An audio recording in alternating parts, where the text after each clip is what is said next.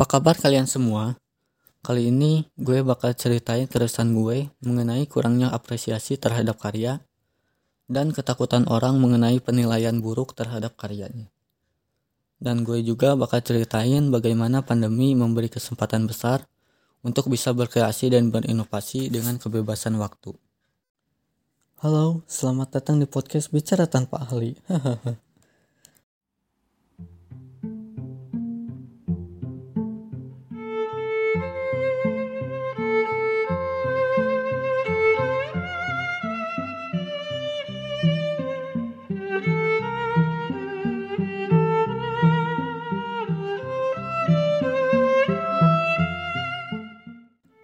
Pernah gak sih lo ngalamin ketika udah bikin sebuah karya, entah itu berupa grafis, musik, ataupun lainnya, lalu lo malu untuk post di media sosial karena ketakutan untuk dikatain jelek, ditertawakan sama orang yang lebih ahli, takut dibilang baru bisa segini, udah post sana sini.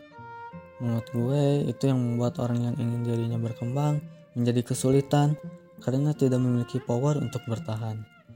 Padahal, Faktanya orang-orang hanya melakukan reaksi saat pertama kali melihat, tidak mempermasalahkan hal itu secara berlarut-larut. Keberanian lo lebih rendah daripada ketakutan lo. Ketika lo sangat bergantung pada reaksi orang, dan lo merasa tertekan akan hal itu, sesungguhnya lo udah nurunin kualitas atas karya lo. Setiap karya memiliki keunikan masing-masing sebagai brandingnya, dan lo malah memberi standar pada diri sendiri bahwa karya keren itu harus seperti A, B, C, bahkan Z. Insecure seperti membuat batasan pada kemampuan yang membuat lo merasa kelimpungan. Tak merasa pantas untuk dilihat dan dinilai, membuat lo menjadi sangat takut untuk memulai. Semua karya tidak akan pernah bisa menyenangkan semua orang, namun bisa membahagiakan orang yang menikmatinya. Jadi, jangan takut untuk keluar dari keinsecurean lo dan mulai bersikap bodoh amat terhadap reaksi yang membuat mental lo turun. Cobalah untuk lebih percaya diri terhadap karya yang akan dibuat. Tidak banyak respon setelah mempublikasikan tidak masalah. Yang penting lo enjoy saat ngelakuinnya. Semangat untuk selalu belajar hal baru. Tingkatkan terus produktivitas untuk membuat dirimu menjadi kredibilitas. Sebuah ide yang tak direalisasikan tak akan mempresentasikan tujuanmu berkarya, seperti pada judul podcast, bahwa insecure itu tak akan membuat karya lo menjadi lebih baik. Justru, menstandarisasi diri lo sendiri, dan lo tidak bisa melakukan out of the box terhadap karya lo. Menurut gue, berkarya itu bisa lo lakukan di mana aja dan kapan saja, dan saat kondisi apa pun. Bahkan nih, gue bisa mendapatkan sebuah ide untuk tulisan di blog saat menonton film. Ya gak heran lah ya, gue nonton film yang sama bisa 2-3 kali buat benar-benar tahu isi ceritanya. Menurut gue, kemerdekaan itu ketika semua orang bebas mengekspresikan karyanya dan banyak orang yang mulai menghargai setiap proses perkembangan dari seseorang.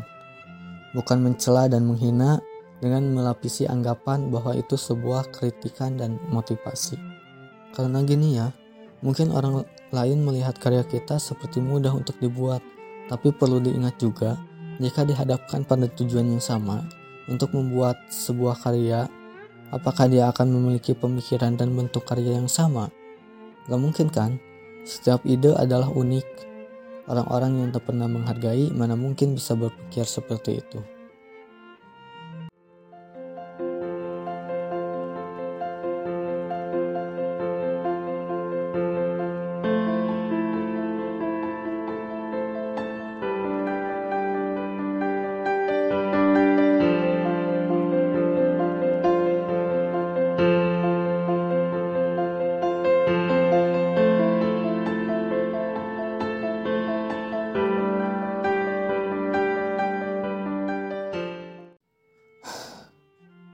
Berat banget ya tahun ini.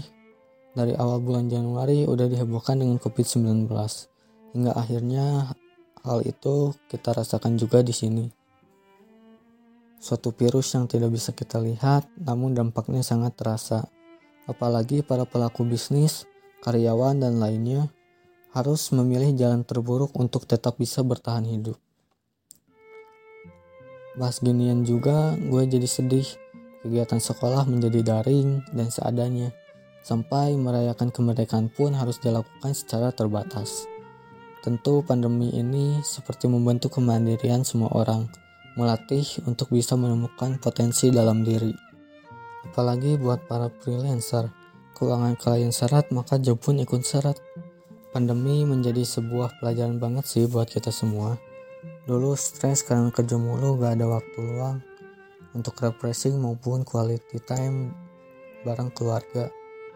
Nah sekarang malah dikasih spend time yang lama banget.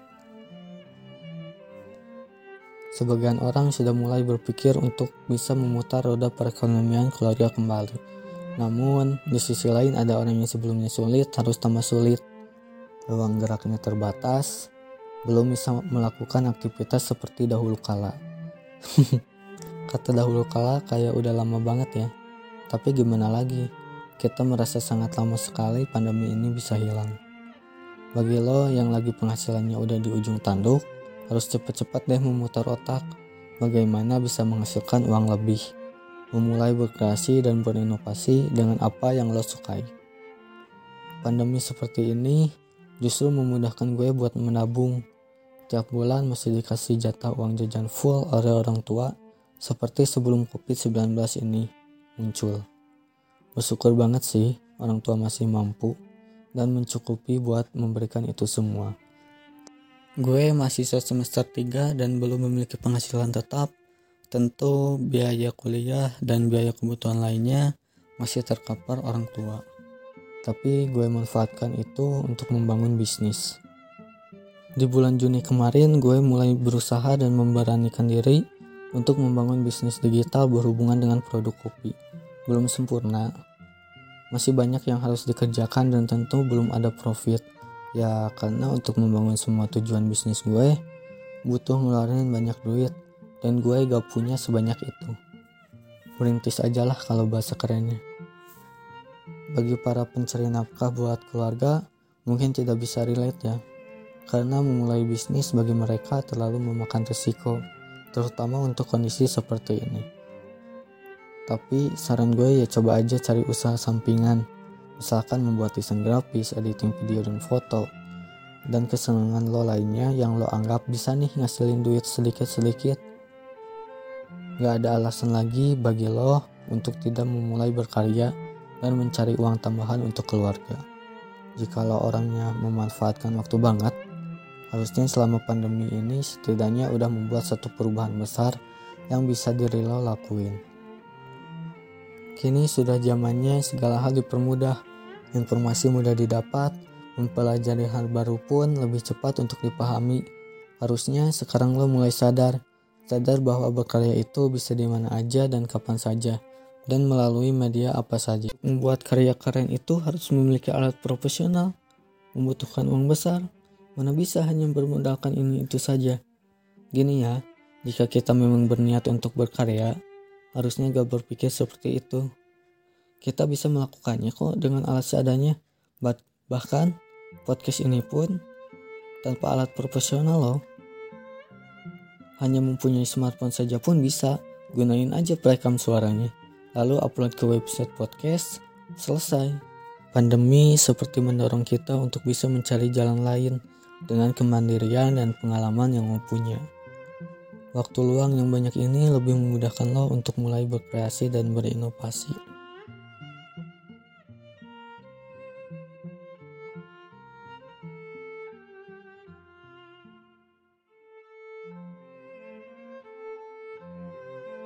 Gue pengen tahu dong hal besar apa saja yang udah lo lakuin selama pandemi. Kamu bisa DM gue di Instagram Robi underscore Junjunan buat kirim cerita kalian. Nanti cerita unik atau ide besar kalian akan gue bacakan di podcast selanjutnya. See you, bye bye.